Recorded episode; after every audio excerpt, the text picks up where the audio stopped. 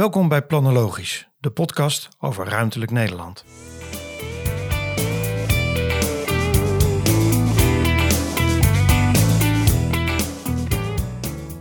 Als, als je werk met werk maakt uh, en je kan uh, je netwerk op de plek krijgen waar, je, je je kunstjes laat zien, uh, ja, dan is dat een fantastische combinatie. En, en, eigenlijk is dat waar je als bureau natuurlijk heel vaak naar streeft.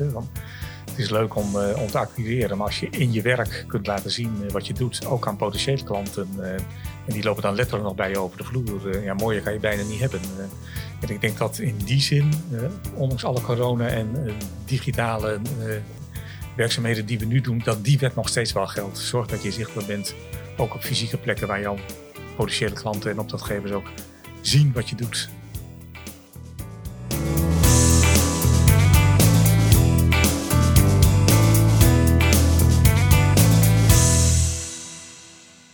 Welkom bij een nieuw seizoen van Planologisch. Podcast van Diets, waarbij we dit jaar stilstaan bij het 15-jarig bestaan van het bureau. Eh, we kijken terug naar opdrachtgevers, we kijken terug hoe het ontstaan is. En hoe leuk is het dat we dit vandaag ook doen met mijn gewaardeerde vriend en gast Frits Lindmeijer. Ehm, en ik zei de gek Luc Diets. Uh, om samen terug te kijken op hoe is het nou eigenlijk in 2006 uh, eh, allemaal begonnen. Um, Frits, misschien kun jij je nog even goed kort voorstellen voor onze luisteraars. Ja, Frits Lindmeijer, uh, sinds jaar en dag een goede vriend van het bureau. tegenwoordig op de site benoemd als strategisch medewerker of nee, hoe noemen we het? associated partner. ik ja. roep zelf altijd vaak de vakantiekracht. Dat is een, een mooiere term. Maar nee, wij gaan, gaan ver terug, omdat Lux is zijn bureau gestart vanuit een betrekking die bij Maatschap van Communicatie was, had. En dat was destijds het bureau wat ik samen met een aantal andere partners had. En ja, we delen een afkomst uit het advieswezen op het gebied van communicatie en strategieontwikkeling. en dat doen we allebei nog steeds, hoewel jij een wat andere afslag hebt genomen en ik tussendoor ook nog wat anders heb gedaan. Nou, we gaan zo meteen nog wel uitgebreid eventjes bij dat begin van het bureau stilstaan. Het voelt ook best apart hè, om het met elkaar zo erover te hebben, omdat het eigenlijk, nou ja, het is 15 jaar terug, maar als je, ik kwam ook nog wat stukken tegen uit die tijd, dan lijkt het ook eigenlijk bijna eergisteren. Ja, voor mij geldt dat uh, ik vorig jaar inderdaad een andere afslag genomen heb. Dus het is voor mij ook bijzonder om aan deze eerste aflevering van het nieuwe seizoen van onze podcast, dat ik daar weer een bijdrage aan mag leveren. Ik ben vorig jaar ben ik grotendeels uit het bureau gestapt. Um, en ik zeg wel eens, ik ben aan mijn derde carrière begonnen. Um, ooit journalist geweest, daarna communicatieadviseur. En wat doe je dan op het moment dat je nog iets heel anders wil? en je bent jongetje, dan ga je bij de brandweer. Dus ik werk nu sinds, uh, uh, sinds een jaar uh, werk ik bij de brandweer Amsterdam. en ondertussen blijf ik nog steeds ook als aandeelhouder verbonden aan het bureau. Ehm, en vind ik het ontzettend leuk om hier ook nog rond te lopen en af en toe eens mensen te coachen. maar mijn hoofdbestaan is een hele andere en dan kan je zeggen dat de omslag niet groter kan zijn. het zwarte gat in die zin ook uitgebleven is. Ehm, maar het, nou ja, dat je af en toe nog wel eens met weemoed terugdenkt aan hoe we het hier met elkaar allemaal opgebouwd hadden. En daar gaan we het vandaag ook over hebben. Dat gaan we zeker doen. Dat gaan we zeker doen. Frits, wat kan jij je herinneren van, uh, van die... Uh, want ik werkte volgens mij in 2004 en 2005 werkte ik bij de maatschap. Tien jaar later. Hm? Ja, nee, klopt. Ja, ja, toch? Ja, dat was, volgens mij was dat een beetje de... Uh, hoe, hoe, is dat, hoe heb jij dat ervaren en ook de opmaat naar het bureau? Nou de maatschap uh, had drie eigenaren, waarvan ik er eentje was. Uh, Harry Lauwenaar, Friedjof de Haan, de, de andere twee. En toen jij binnenkwam, ik denk dat we bij ons eerste partneroverleg, matenoverleg, al zeiden van ja, Luc is iemand die gaat een keer met zijn eigen bureau beginnen. En die is veel meer de ondernemer dan alleen maar de adviseur. En die verwachting heb je heel snel waargemaakt, omdat je ja, altijd vanuit de, de kansen in de markt dacht. En ja, daarvoor ook een grote toegevoegde waarde had voor, voor de maatschap. En tegelijkertijd ook de begrenzing van in loondienst zijn al snel bij jou, jou zichtbaar was. En toen je besloot voor jezelf te beginnen, ja, dan kan je twee dingen doen. Je kunt met een soort concurrentiebeding uit elkaar gaan. Of je kan zeggen van we helpen elkaar, omdat we allebei segmenten in de markt zien die we, die we bedienen. En wat ik interessant vind vanuit de maatschap gezien, wij werkten vooral aan de publieke kant, ministeries, OCB, SZW, toenmalige VNW, veel bij gemeenten, publieke omroep, heel erg publiek gedreven. Ook, ook in gebiedsontwikkeling trouwens wel, maar altijd vanuit die publieke rol. En jij zag een gat in de markt om participatie, te verbinden aan de kant van de marktpartijen. En uh, dat was heel erg goed gezien, weten we, weten we nu. en het was voor ons ook nou ja, een veilige manier om op, met jou samen te werken, omdat je vanuit een andere kant naar de markt en de klant keek. En waar ik nog altijd heel erg trots op ben, is dat we toen een deal hebben gemaakt waarbij wij een soort startersaandeel in jouw bureau hebben genomen. Allemaal van heel bescheiden omvang. En dat heb ik denk ik van de drie het langst nog vastgehouden. Ik zei al eerder, toen ik ooit een afslag nam richting de politiek en hier wethouder werd, toen heb ik mijn aandeel in 2010 in, in Diets Communicatie verkocht. Was nodig, maar achteraf gezien de meest slechte beslissing die ik ooit zakelijk heb, heb genomen. maar in alle zuiverheid was dat toen wat, wat, wat nodig was. Maar het geeft aan dat, dat we ook nadat mijn wethouderschap afgelopen was, de relatie weer hebben opgepikt in een andere vorm en uh, weer gewoon vrolijk zijn gaan samenwerken. Ja, nou, het was natuurlijk heel bijzonder. Hè? Ik, had, uh, ik werkte voordat ik bij de maatschap kwam, werkte ik bij uh, Schoepen van de Toorn. Het was toen heette toen al Pleon en daarna werd het Ketchum. Um, en mijn toenmalige baas overigens, die werkt nu ook hier hè, bij ons. Jim Wouda, superleuk om op die manier in het netwerk elkaar ook te blijven vinden. en elkaar ook energie te geven. echt, echt hartstikke leuk. En ik had toen in die tijd, was ik manager. En toen zei ik al tegen ehm, een collega daar, ik zei nou, ik denk dat ik wel voor mezelf wil beginnen. En die zei dan nou, je moet je even afvragen wie er nou al op Luc Dietz zit te wachten. En dat was denk ik 2002 of 2003. En, en toen heeft hij mij geholpen en ook gezegd van, nou ja, weet je, wat is nou je pad om daar naartoe te gaan? Wat mis je nou nog in je rugzak om dat uiteindelijk te kunnen? Nou, en ik had, was eigenlijk vast van plan om dat daar ook in Amsterdam uh, bij het bureau uh, te krijgen. Nou, toen kwam daar een organisatiewisseling aan. En uiteindelijk voelde ik me daar toch minder senang bij. En toen kwam ik eigenlijk bij jullie terecht, bij de maatschap. En toen vond ik het leuk om daar ook samen te kijken naar hoe kun je nou ondernemen. En dan vond ik het ook mooi dat, wat ik volgens mij ook wel IT-periode geleerd heb, is dat je groot kunt denken.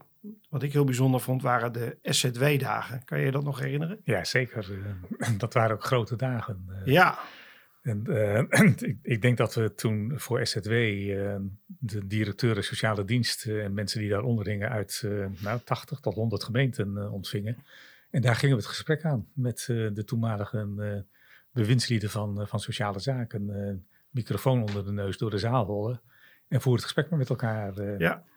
Dat, dat, dat was groot. Uh, eigenlijk hebben we bij OCW destijds hetzelfde gedaan. Uh, de honderd dagen van Balken en de voorministerie van OCW uh, eh, georganiseerd. En ook eerder en later met bewindslieden op pad ze in een school planten. En ga het gesprek maar voeren met je achterban. Ja. dat, dat waren dingen die we toen ja, heel erg veel deden bij, bij de maatschap. en altijd vanuit het niveau van we willen wat strategisch met elkaar bereiken. En het gesprek is een middel om dat te doen. Maar ook wat ik daar ook zag, hè, want de maatschap, daar werkten toen negen of tien mensen in, die, uh, in dat jaar volgens mij. Um, het kunnen er ook twaalf zijn of acht, hè, maar in ieder geval dat je met weinig mensen dat soort grote klussen aan kunt en dat je op zo'n dag dan ook met z'n allen er bent. Ja, een uh, collega van een bevriend bureau zei ooit: jullie lijken van de buitenkant veel groter dan je van binnen bent. Uh, en dat is ook zo. je, je gemeenschapsgevoel maakt dat je een enorme uitstraling met elkaar kunt, uh, kunt hebben. Uh, en als je stuurt op de kwaliteit van je werk, uh, en dat is iets wat ik bij Dietz heel erg herken, dat dat gebleven is, ja, dan maak je ook grote stappen met elkaar. zelfs al ben je met een paar mensen. Nou ja, want als je dan de stap zet, hè, want uiteindelijk denk ik dat je. Ik, dat is wel grappig. Ik kwam in wat oude stukken kwam ik het ondernemingsplan uit 2005 tegen van, van Dietz Communicatie, december 2005. En uh, daar bedank ik al, mijn vorige werkgevers, hè, want die hebben mij natuurlijk de, de bagage meegegeven. Uh, op hun kosten heb ik toch een hoop geleerd van uh, de dingen die ik wel moest doen en de dingen die ik niet moest doen. En zo neem je van ieder bureau wat mee. Ehm, maar het was inderdaad zo dat, dat toen wij in 2005 de keuze gemaakt hadden om inderdaad te zeggen, nou wij willen, wij willen met dat bureau starten. Ik kan me goed herinneren, we hadden kleine kinderen zaten op de camping in eh, Limburg gingen we de naam verzinnen. En hoe creatief kom je dan uit uiteindelijk op de naam dienstcommunicatie? Hè? Het is, soms heb je een omweg nodig om bij een simpel uitgangspunt te komen. Ja, ik, kijk, ik blijf zeggen, het had eigenlijk Diets en de Hei moeten heten. Zeker. Of misschien wel andersom. Zeker. dat zou in deze tijden van inclusiviteit niet meer kunnen op die manier. Nou ja, dat, volgens mij heb jij bij het afscheid van, van mijn vrouw Stella Um, onlangs heb, jij dat ook op, heb jij dat ook aangegeven dat, dat, dat de naam eigenlijk veranderd had moeten worden. Maar het is ook zo, hè, dat was ook grappig, want dat weten misschien luisteraars niet allemaal. Maar nou ja, mijn vrouw en ik runden eigenlijk het bedrijf. we zaten in de directie en we hadden een goede taakverdeling. En het is best bijzonder dat je 15 jaar lang dat doet. Het was ook de reden dat we uiteindelijk zeiden, we stoppen ermee. Omdat het bij ons na 15 jaar alleen nog maar daarover ging. En ja, je staat 24-7 aan. Dus daarom hebben we gezegd, dat willen we niet meer. Maar onze kinderen zijn hier ook opgegroeid. Um, en dan was het altijd, uh, uh, wie is hier de baas? Nou, papa's naam staat op de gevel, maar mama is de baas. en dat, ja, ere wie ere toekomt. We zullen nog een terugwerkende krachtonderzoek doen bij de medewerkers van de afgelopen 15 jaar. Ja, te kennen. Ja, ja, ja, nou ja, goed. Het, het is mooi hoe het gegaan is. Maar in die beginperiode hadden we natuurlijk ook allerlei namen bedacht. En uiteindelijk was er een simpele calculatie dat uh, met de dingen die ik al publiceerde, dat het handig was om gewoon de naam uh, te pakken. En het maakt het ook wat persoonlijker. Nou, uiteindelijk is het wat het is en is het geworden wat het is. En uh, ja, het is wel bijzonder dat je in zo'n tijd, dat je dan ook een keuze maakt om niet alleen te beginnen, maar dat je gelijk met een aantal mensen ehm, eh, begon. En het was ook fijn dat dat bij de maatschap kon. Hoe heb je dat toen ervaren, die, die start? Ik bedoel, het is natuurlijk niet, niet zozeer alleen de maanden ervoor, maar ook dat je op 1 januari, dat het dan ook gebeurt. Nou ja, jullie zaten een tijdje nog bij het pand van de maatschappij. Ja. En dat was al een beetje een hybride situatie. Want je bent oud-collega's en je bent ook toekomstig collega's, maar wel in een uh, andere verhouding. Dus dat, dat was denk ik wel, wel wennen als ik daarop uh, op terugkijk. Uh, waar ik ook wel een beetje jaloers op was, want de maatschappij bestond ook nog niet zo heel erg lang. toen, een jaar of vijf, zes, dat uh, dat gevoel van startersenergie, wat wij als maatschap vijf jaar daarvoor hadden, uh, dat dat opeens weer terug was in het gebouw. Uh, en dat, ja, dat geeft ook wel weer een lekker, lekker gevoel. de periode heeft natuurlijk ook niet zo lang geduurd en dat is denk ik ook goed geweest. ook om je eigen gezicht en stempel te kunnen drukken op het bureau. Maar dat, dat gevoel van starterselan, dat brachten jullie heel erg met je mee. en ehm, wat ik mooi vond, hè, weer even terug naar de inhoud. Uh, vanuit de maatschap is een beetje organisch gegroeid dat we zeiden we willen strategisch kunnen werken. We willen op de goede plekken zitten. Ik zei al, we waren vaak met bewindslieden op stap. Wat Diets heeft vertaald in, we werken feitelijk voor Kamer 1, maar we halen de neus niet op voor Kamer 2 en 3. Eh, dat hebben jullie misschien wel meer vervolmaakt uh, als, uh, als Diets, door dat als een explicietere strategie te benoemen. en ja, dat, dat is op een hele knappe manier uitgebouwd. Ja, kijk, als ik iets, want het is eigenlijk wel grappig als je dat terugleest, hè, want dat is natuurlijk met de wetenschap van nu, kun je natuurlijk prima duiden waar het succes zat. Maar uiteindelijk uh, hebben we toen ook al in 2005 opgeschreven. We voelen ons thuis in complexe politiek beladen projecten. En we opereren ook zonder overdaad. Hè. Dat vond ik ook wel interessant. Het is natuurlijk op een, daarna altijd op toch wel wat verschillende manieren uitgelegd. En ook what you see is what you get. Hè. Dus het is toch... Um, ik heb dat eigenlijk daarna ook wel vaak uitgelegd. Je moet eigenlijk met wie je ook praat altijd onafhankelijk kunnen spreken. dus uh, je moet eigenlijk datgene kunnen zeggen tegen een opdrachtgever, ehm, soms op het scherpst van de snede, waarmee je misschien wel het risico loopt dat hij met je wil stoppen. Maar dan heb je wel gezegd wat je vindt dat er gezegd had moeten worden. Ja, de interessante vraag is, uh, lukt je dat altijd? Uh, en door de ogen kijkend denk ik dat dat voor een belangrijk deel gelukt is. Uh, en dan is de interessante vervolgvraag, hoe vaak ben je eigenlijk weggestuurd? Nooit. Nou, niet. niet ja, kijk, uiteindelijk, eh, nooit is nooit. Kijk, uiteindelijk denk ik dat wij natuurlijk, net als ieder bureau, op een gegeven moment ook wel eens ons neus gestoten hebben. We hebben ook, denk ik, even zo vaak, of misschien zelfs wel vaker zelf gezegd. Het lijkt me toch beter dat wij uh, dit niet meer gaan doen. Of uh, aan het begin al zoek maar iemand anders. Omdat je, denk ik, uh, niet alleen moet kijken voor wie je wel wil werken, maar eigenlijk vooral moet weten ja. voor, wie, voor wie wil je ook niet werken. Nee, kijk, natuurlijk, het gaat altijd wel eens mis. Dat, uh, dat hoort bij het vak. Maar weggestuurd worden omdat je een ongemakkelijke waarheid vertelt, is wat anders dan, nou ja, dit is niet helemaal onze klus of iets anders. Ja. En, en, dat eerste komt denk ik heel erg weinig voor. Uh, sterker nog, dat komt denk ik niet voor. Maar ik vond het echt grappig, hè? ook in die begintijd, dat we sowieso had ik vrij snel door dat we niet te lang aan de Vleutense weg moesten blijven zitten. Hè, dus in het pand van de maatschap, omdat je toch een bepaalde eigenheid zoekt. Die, ehm, nou ja, die, die, die, waar, waarvan het gewoon goed is om dat met elkaar te doen. Hè. Dus toen we het pand vonden waar we de, vandaag de dag nog steeds zitten. Toen kwam als eerste daar het tafelvoetbal, hè, want dat hadden we bij de maatschap ook. Ehm, maar dan heb je toch eigenheid en dan ga je zelf ook van start. Maar je neemt ook een hoop dingen mee. Hè. is ook een mooi bruggetje naar het eerste, die eerste echt grote opdracht van, uh, van Dietz destijds. En nou ja, dan kan ik nu wel de bekentenis doen, want het is verjaard. Dat die opdracht al geacquireerd was in de tijd dat de, de maatschap mijn salaris nog betaalde. Ik weet niet of daar nog iemand uh, op gaat reclameren, Frits. Ik uh, ben niet meer betrokken bij de maatschappij in financiële zin en ik zal het niet verklappen. Nee, nou ja, goed. Um, maar dat was natuurlijk de bouwrij en dat was best bijzonder, want ik was bij de bouwrij ook al uh, in 2002 en 2004, twee jaarlijkse beurs betrokken vanuit mijn oude, of nee, in eerste instantie 2002. Ik weet niet of 2004 ook vanuit de maatschap. Het ging dan vooral over de positionering van, ehm, van de bouwrij als beurs en um, dat was ten opzichte van de bouwbeurs hier in Utrecht. Het ene jaar had je de bouwbeurs, het andere jaar had je de bouwerij. En de bouwerij wilde zich meer naar de inhoud profileren. Uh, ik denk dat niemand meer precies weet uh, wat die bouwerij in 2006 was. Maar iedereen weet zich nog wel een moment te herinneren Zeker. wat zich daar op onze plek uh, voltrok. Dat was het moment, en ik zal het echt nooit vergeten, dat Rita Verdonk zich presenteerde met haar partij Trots. ja niet links, niet rechts, maar recht door zee of woorden van gelijke strekking. Uh, en dat is onlosmakelijk verbonden met dat, dat moment. Ja. En terugkijkend is het natuurlijk ook een fantastisch tijdsbeeld om, om, te markeren waarin je gestart bent. Ja, het is, het is natuurlijk heel bijzonder. Kijk, wij, nog even voor de luisteraars. Ehm, het was een klus van 30.000 euro. Ik weet het nog goed. En het werd in twee termijnen betaald. En ik had het zo uitgerekend dat als wij uh, met, uh, met het uh, startbedrag om een BV op te richten van 18.000 euro, gekoppeld aan die 15.000 euro, konden wij de mensen die we aangenomen hadden, inclusief de andere kosten, konden wij voor drie maanden betalen. en daarna moest je zorgen dat er weer nieuw geld binnenkwam. Dus ik wist dat nog, ik weet dat nog heel goed. En het doel van de opdracht was om een, een soort nieuw studio in te richten aan de radio, uh, waar uh, drie, vier dagen lang een inhoudelijk programma non-stop draaide met interessante sprekers. En dan hadden wij dus elke dag hadden we ook een lunchbreak. En ik werd volgens mij twee dagen van tevoren gebeld door Kai van der Linden, de, de spindokter van, uh, van Rita Verdonk.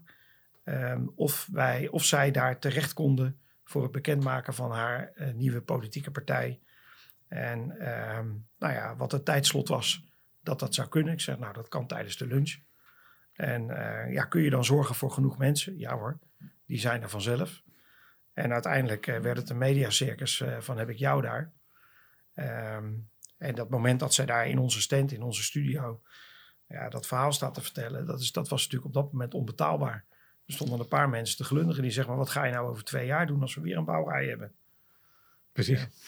Nou ja, dat, dat, dat is wel, als we over lessen mogen praten, een mooie les van. Uh, het is heel hard werken, een bureau starten. Een bureau volhouden is nog harder werken trouwens. Uh, en je mag ook een beetje geluk hebben af ja. en toe. Uh, en als je het geluk dan naar je hand weet te zetten, dan maak je natuurlijk een fantastische start. Ja, en, en wat ik leuk vond, en dat heb ik eigenlijk ook wel van de maatschap geleerd. Wij zaten natuurlijk in die beginperiode hè, met Monique Vermeulen, werkt nog steeds bij het bureau. en twee, twee junioren. En dan hadden we nog iemand bij ons langs zij voor dit project. Wij deden die nieuwstudio met z'n allen. Dus in de eerste weken van het bureau waren wij non-stop met elkaar eigenlijk bezig. En dat gaf natuurlijk ook een, gewoon een geweldige energie eh, om te starten. En omdat daar ook nog eens een keer ons hele netwerk rondliep, was het natuurlijk ook nog een geweldige acquisitietool. Ja. Ja, als, als je werk met werk maakt uh, en je kan uh, je netwerk op de plek krijgen waar, jou je, waar je je kunstjes laat zien, uh, ja, dan is dat een fantastische combinatie. En, en, eigenlijk is dat waar je als bureau natuurlijk heel vaak naar streeft. Hè? Want het is leuk om, uh, om te acquireren, maar als je in je werk kunt laten zien uh, wat je doet, ook aan potentiële klanten, uh, en die lopen dan letterlijk nog bij je over de vloer, ja, mooier kan je bijna niet hebben. en ik denk dat in die zin, ondanks alle corona en digitale werkzaamheden die we nu doen, dat die wet nog steeds wel geldt. Zorg dat je zichtbaar bent, ook op fysieke plekken waar jouw potentiële klanten en opdrachtgevers ook zien wat je doet. Ja, het was wel bijzonder, want ik kan me nog herinneren dat wij ehm, in begin januari ook in een adformatie adverteerden. En dat ik toen, ik had toen gelezen, ehm, Volkskrant had gezegd, wij zijn een groot merk, dus wij adverteren altijd met hele pagina's. Ik denk, nou, Dietz wil ook een groot merk zijn, dus wij adverteren ook met een hele pagina aan adformatie. Daarna leerde ik wat dat kostte. Ehm, maar uiteindelijk hebben we dat wel gedaan. Je neerzet als een heel bureau. Dat vond ik ook het mooie wat je natuurlijk toch ziet. Hè. Ik had vrij snel, en later toen ik in 2011 heb ik nog een uh, burn-out gehad, een tijdje thuis geweest, ook de keuze opnieuw gehad. Ga ik nou alleen verder of uh, gaan we toch weer bouwen? Ja, dat bouwen aan een organisatie waarmee je eigenlijk grotere dingen aan kunt, bijzondere projecten aan kunt. Ik denk dat we dat, dat, dat maar eigenlijk uh, ja, dat, dat we dat destijds ook wel goed gezien hebben. Ja, ik denk dat dat een, eh, een, een hele goede keuze is. Uh, als ik het naar mezelf toetrek, uh, ik heb een bureau gestart, daar ruim acht jaar met veel plezier gewerkt, toen afscheid in de politiek genomen. En na de politiek zei dan ook weer voor de keuze, wat, wat ga je doen? Ik had niet de behoefte meer om een eigen bureau te starten. It, done it, zou, zou ik bijna zeggen. Maar wel de behoefte om nog ergens uh, aan de deur te kunnen kloppen en, en, en, en, thuis te horen, zonder dat ik in dienst hoef of wat dan ook. En ik ben nog heel erg uh, dankbaar dat uh, ja, die deur bij Dietz open stond. en ook na die tijd vanuit het team geredeneerd hele mooie dingen kunnen doen. Ik kan heel erg goed voor mezelf werken, maar in je team, in teams kom je altijd tot grotere, tot grotere prestaties. en het gevoel van samenwerken, wat een bureau kenmerkt, ja, dat is al heel erg lekker. En dat, dat heeft uh, Dietz als bureau, denk ik, ongelooflijk goed weten te bewaken. Ja, kijk, tegelijkertijd in die beginperiode hebben we natuurlijk als bureau ook wel spannende momenten gehad. En dat is natuurlijk wel bijzonder, hè, want nu hebben we twee, uh, twee mannen hebben het nu overgenomen, hè, Bart en, en Jasper. Um, uh, en die probeer je dan ook wel een beetje die lessen mee te geven. dus ik kan me nog herinneren dat we in die beginperiode ook um, het pand naast ons erbij wilden hebben. En we hadden het eerste jaar hadden we toch eigenlijk wel heel goed verdiend. En we waren misschien ook niet zo gewend aan veel, veel geld op de bank. Dus toen hadden we in 2007 volgens mij de keuze gemaakt om uh, die hele verbouwing van het pand naast ons, toen iets van weet ik veel, 150 of 200.000 euro, die betaalden we gewoon vanaf de bankrekening. Uh, en, en, en, daarna begonnen eigenlijk de eerste problemen wel. Omdat je natuurlijk toch dan uh, ja, onvoldoende door kunt kijken nog naar de lange termijn. En uh, ja, dat, dat, dat was wel een van de eerste keren dat, we, dat het ondernemerschap toch wel even spannend werd. Ja. Ik herinner me nog een, uh, dat zal in die periode geweest zijn, dat je op een vrijdagavond belde van help de bodem van de kas in zijn zicht en deze of geen offerte is niet doorgegaan. En toen ik maandag terugbelde of dinsdag van en hoe gaat het nou, dat de sfeer alweer compleet was omgeslagen, want een volgende offerte lag er alweer wel. En waar hadden we het eigenlijk over? Hè? Dus dat, dat soort pieken en dalen horen ook een beetje bij het bureauleven. Ja, een, les is wel dat je een soort weerbaarheid moet hebben om ook uh, vanuit die piek, uh, of vanuit, vanuit de piek verder te kunnen kijken naar de volgende piek. Maar in het dal ook niet moet vergeten dat die pieken ook wel weer, uh, weer komen. En dat zie je op het moment zelf niet altijd zo. maar het hoort er wel bij en het vergt ook een soort ja, incasseringsvermogen en, en, en, weerstandsvermogen om dan toch weer verder te gaan. En ik denk dat elke bureau-eigenaar dat herkent. Dat herken ik ook vanuit de maatschap. Eh, ik hoor het ook van collega's. Eh, de kracht is niet alleen om te floreren, maar de kracht is ook van hoe kom je uit de tegenslag uh, naar voren. Ik kan me nog wel een voorbeeld herinneren dat toen ik in 2011 hadden we ook zo'n moment. kwam ik terug uit die burn-out en ik had twee maanden lang was het thuis niet over het bedrijf gegaan. En uh, toen hadden we een, vakantie uh, naar uh, Turkije.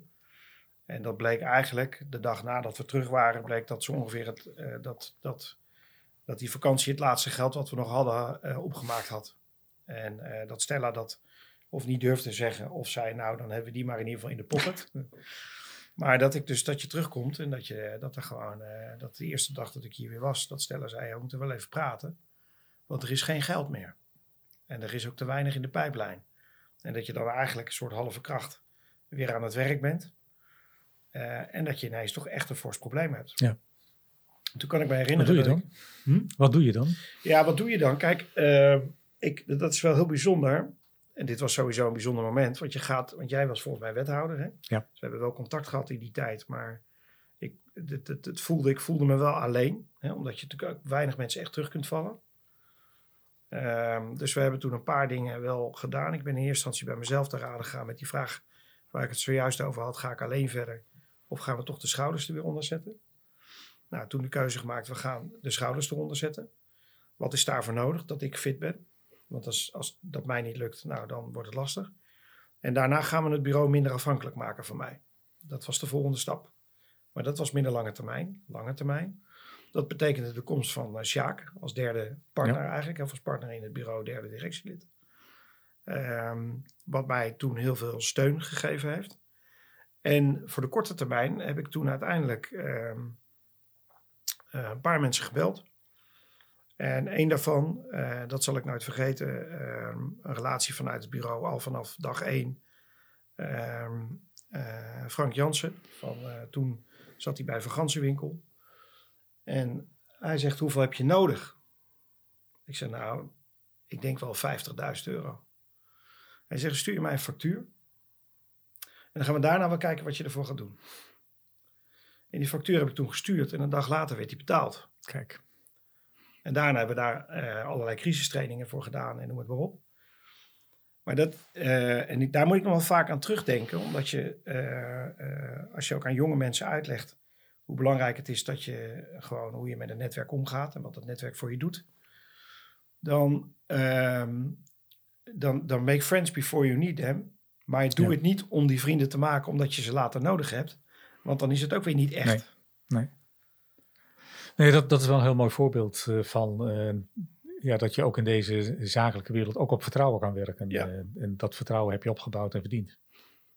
Ja, maar dat zijn dus wel, als je het hebt over lessen die je hebt, hè, en ook wel de lessen over, dat heb ik ook moeten leren, is.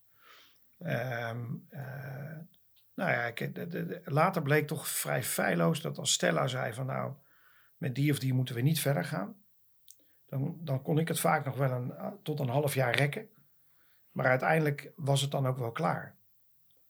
En dat had dan toch uh, dat zij ja, op de een of andere manier met haar blik ook vrij feilloos kon zien wie nou in de groep past. Uh, wie daar nou uh, sportief gedrag vertoont. Wie daar nou in het groepsproces ook positief, mee, positief meedoet.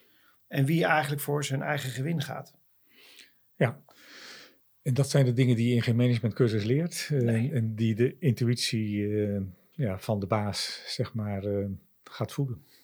Ja, maar ook wel maken dat je dus met elkaar een bepaalde sfeer kunt neerzetten. En die, dat die sfeer, hè, dus zoals weer terug ook naar zo'n bouwraai.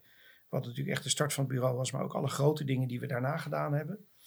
Uh, de echte lastige klussen, die kan je eigenlijk ook, ook alleen maar doen als je, het, als je ergens op terug kan vallen. Als je het samen kan doen. Wat, wat, wat zijn voor jou klussen uh, als je wat voorbij die bouwrij kijkt, waarbij je zegt van uh, ja, die gezamenlijkheid die heb ik, heb ik ook in de jaren daarna op, op de werkvloer gevoeld? Nou, kijk, uh, de volgende podcast gaat over stadsblokken Meinerswijk. Uh, mooi met, uh, met, met Monique ook. En dat is een podcast die gaat. Dat is een project in Arnhem, een uiterwaardengebied. Waar wij eigenlijk, dat was een van de eerste grote opdrachten voor Monique. in de eerste jaren van het bureau. En daar gingen we echt ateliers op zetten. En daar gingen we uh, met meerdere mensen tegelijk ook gewoon, net als bij die bouwraai, gingen we gewoon aan de klus. En dan organiseerden we dingen. En dan hadden we echt ook wel, ja, weet je, ik kan me nog goed herinneren dat we op een zaterdag gewoon, dat we zeiden van nou, als we nou op een zaterdag al die papa's en mama's in dat stadhuis van Arnhem willen hebben, wat, hoe doen we dat dan? Wat doen we dan met die kinderen? Nou, weet je wat, dan gaan we de grootste kindertekening maken. Ja, wat moet dan het thema van die kindertekening zijn? Ja, dat moet dan eigenlijk gewoon zijn, wat is jouw ideale gebied om te spelen? En ga dat maar tekenen. En dat, dat je dat verzint.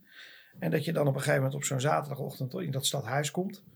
En dat je dus gewoon daar een paar honderd kinderen op hun knietjes, met een, met een mega behangrol, Geweldig. daar gewoon die kindertekeningen. En dus later is dat in stukjes gemaakt, is er een boek van gemaakt. Maar dat je dus zoiets verzint met elkaar.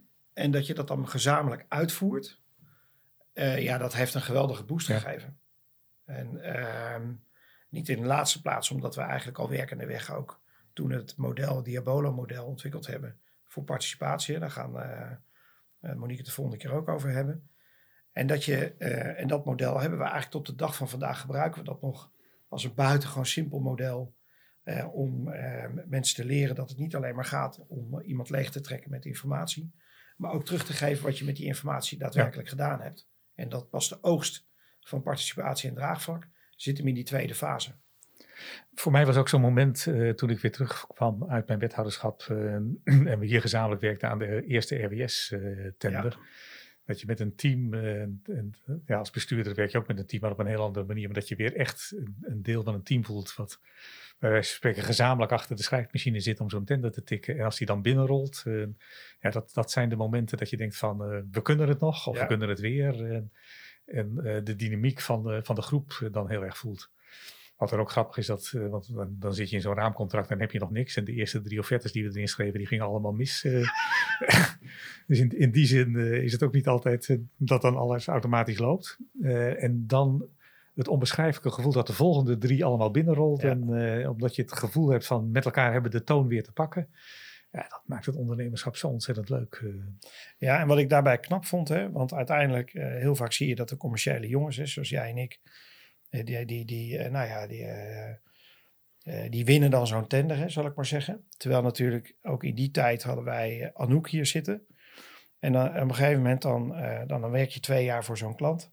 En dan zeg je, nou laten we nou eens een analyse maken. Of volgens mij heb ik het niet eens gevraagd, maar deze het gewoon. En dan kwam er een analyse. Ehm, zeg maar hoe, hoe uh, waar we nou goed gescoord hadden, waar we minder gescoord hadden. Hoe lang we er ook over gedaan hadden. Weet je, gewoon data. Gewoon basisinformatie. Dat je op een gegeven moment zegt: oké, maar dat betekent eigenlijk, dat gold niet alleen voor zo'n Rijkswaterstaat uh, tender, maar ook voor alle andere acquisitietrajecten. Dat wij dus in basis 6000 euro uitgeven om een klus binnen te halen. En dat, dat wij dus never nooit meer mee moeten doen, eigenlijk aan klussen tot 5.000, 6.000 euro. Tenzij er iets heel achter, groots achteraan kwam. Ja. Maar binnen ons bureau past eigenlijk dat wij vanaf 10.000 euro aan een klus gaan beginnen. Anders zijn we daar gewoon niet goed in. Nee, dat, dat, dat klopt. En uh, kijk, wat, wat, uh, wat interessant is, hè, we zeiden van tevoren toen we dit gesprek voorbereiden, van het moet niet alleen maar een succesverhaal zijn. Uh, je leert heel erg veel ja. van de dingen waar je niet, niet onmiddellijk op gescoord hebt. en mijn natuurlijke neiging is ook offerte verloren, deken over je hoofd, nooit meer aan denken. Maar als je eerlijk bent, dan ga je wel kijken van Natuurlijk heeft die opdrachtgever het verkeerd begrepen en niet goed, uh, niet goed gescoord. Maar als we nou nog een keer echt eerlijk kijken, waar hebben we dan zelf de kansen laten liggen? Uh, en uh, het vergt een soort eerlijkheid naar elkaar toe om, dat, om dat met elkaar te blijven doen en te, en te blijven durven. Omdat je daarmee alleen maar sterker wordt. Het is een enorme dooddoener.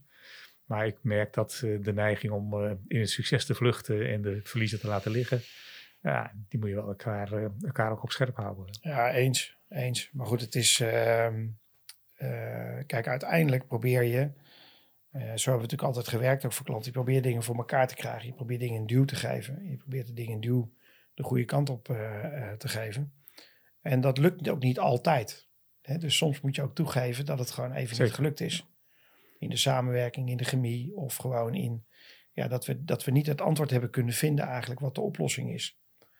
Um, ja, en, en daar moet je dan ook wel weer lessen uithalen en uiteindelijk gewoon weer verder gaan. Jij mag nu met iets meer afstand kijken uh, naar het bureau. Uh, wat, wat, zie jij als de belangrijkste lessen voor de toekomst? Uh, of wat zie jij als ontwikkelingen in de toekomst eh, voor een bureau als Diets? Ja, dat, dat is dus best, best moeilijk. Hè? Want kijk, ik denk, um, als je niet uitkijkt, dan, dan heb ik het alleen maar over de dingen die in het verleden gebeurden. En wat het mooie was, ik zei dat laatst ook tegen iemand. Kijk, mijn rugzak bij Dietz zat eigenlijk vol. Ik had heel veel mooie projecten gedaan. We hadden het bureau door een aantal crisis heen geleid. Uh, uh, we hebben altijd uh, goed gedraaid. we hebben een fantastische sfeer opgebouwd. Maar op een gegeven moment dan heb je het gevoel, ik kom niet verder. Hè, er is, ja. um, en dan moet je oppassen dat als het gaat over de toekomst, dat je niet alleen maar put uit het verleden. Als je dit nou blijft doen, dan gaat het goed. Want ik denk dat het juist heel goed is dat twee nieuwe mannen uh, met het team wat er zit nadenken over uh, wat, uh, ja, waar, moeten we heen. Wat, je, wat ik ze wel meegeef, en dat is natuurlijk voor iedere ondernemer, dat is altijd wel grappig. Hè? Wij hadden op een gegeven moment ook hier beneden, we zitten nu ook op kantoor van Diets, hadden we Jos Burgers uitgenodigd als spreker.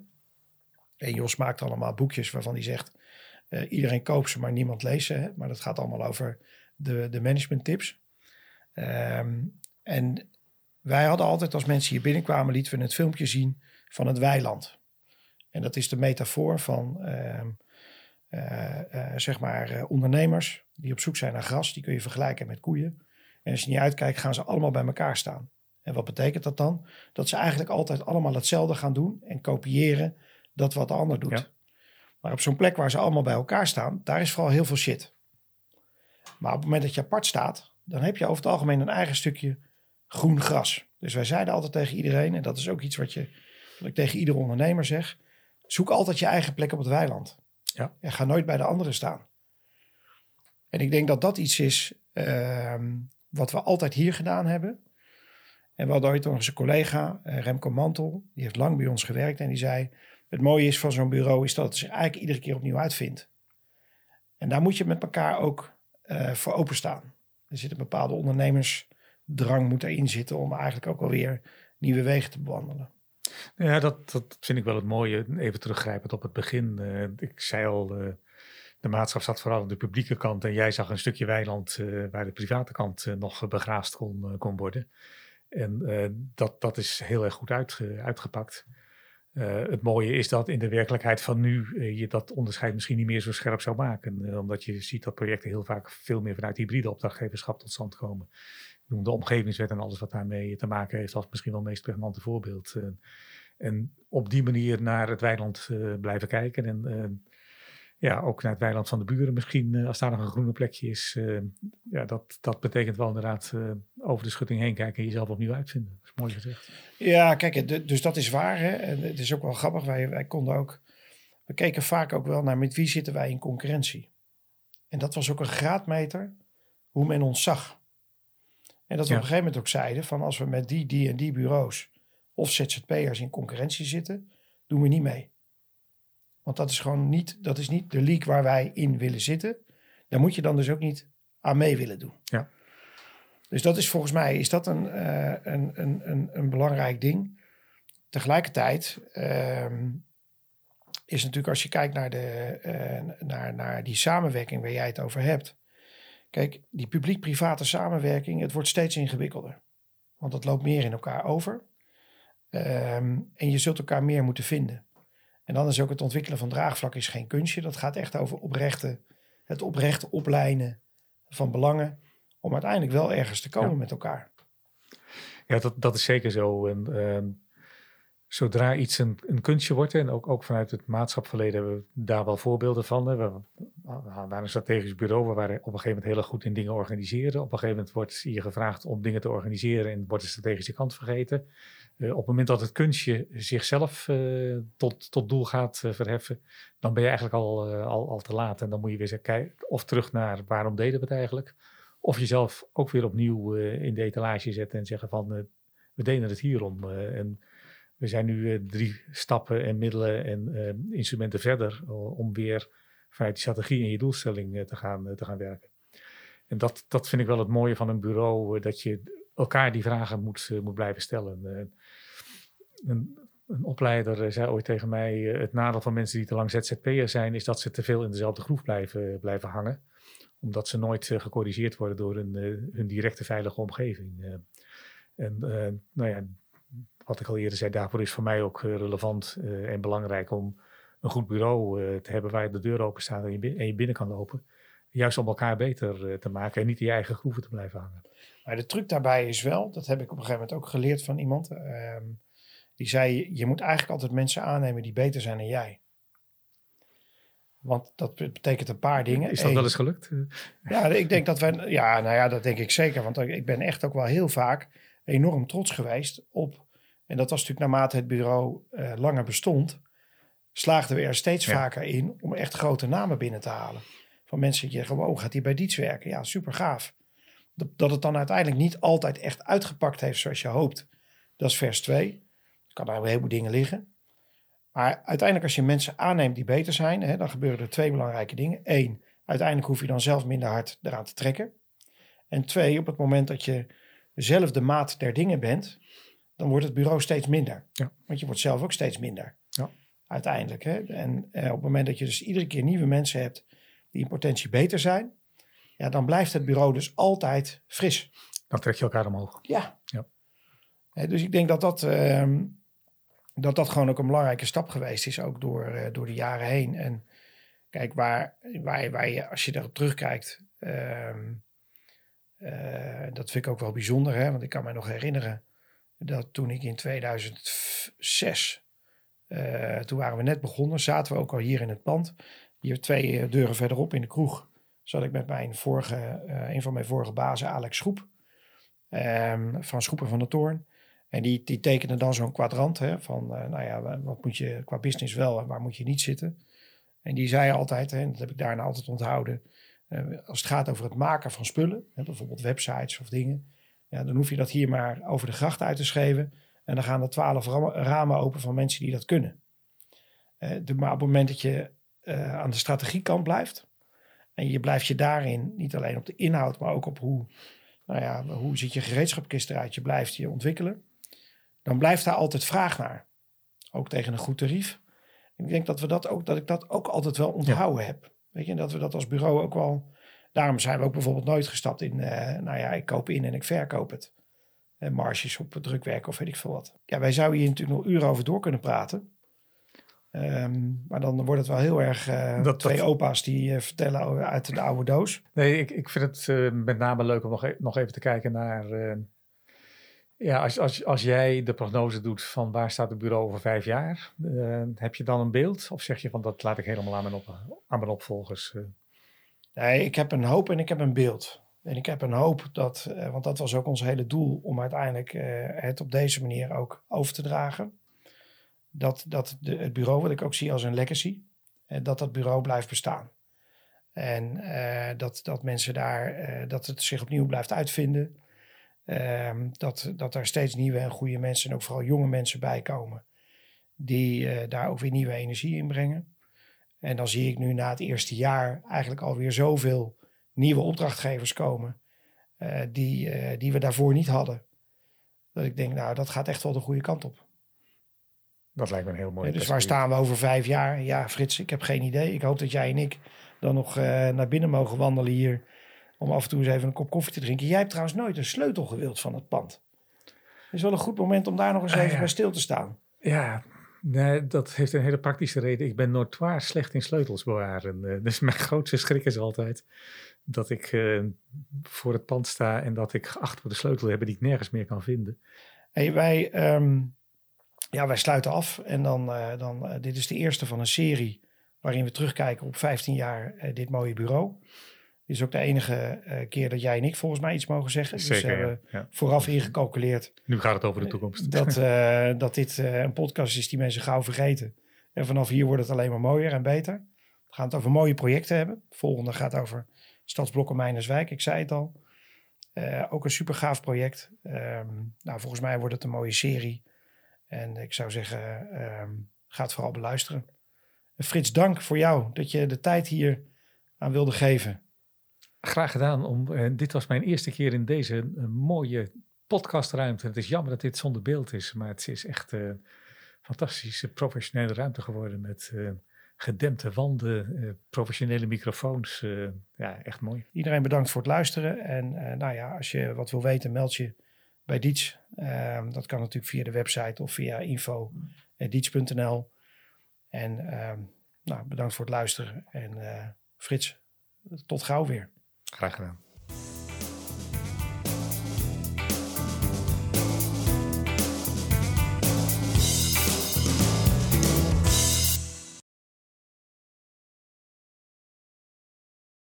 Dankjewel voor het luisteren naar Planologisch, de podcast over ruimtelijk Nederland. Vond je dit een leuke podcast? Dan zouden wij het enorm waarderen als je een positieve recensie achterlaat.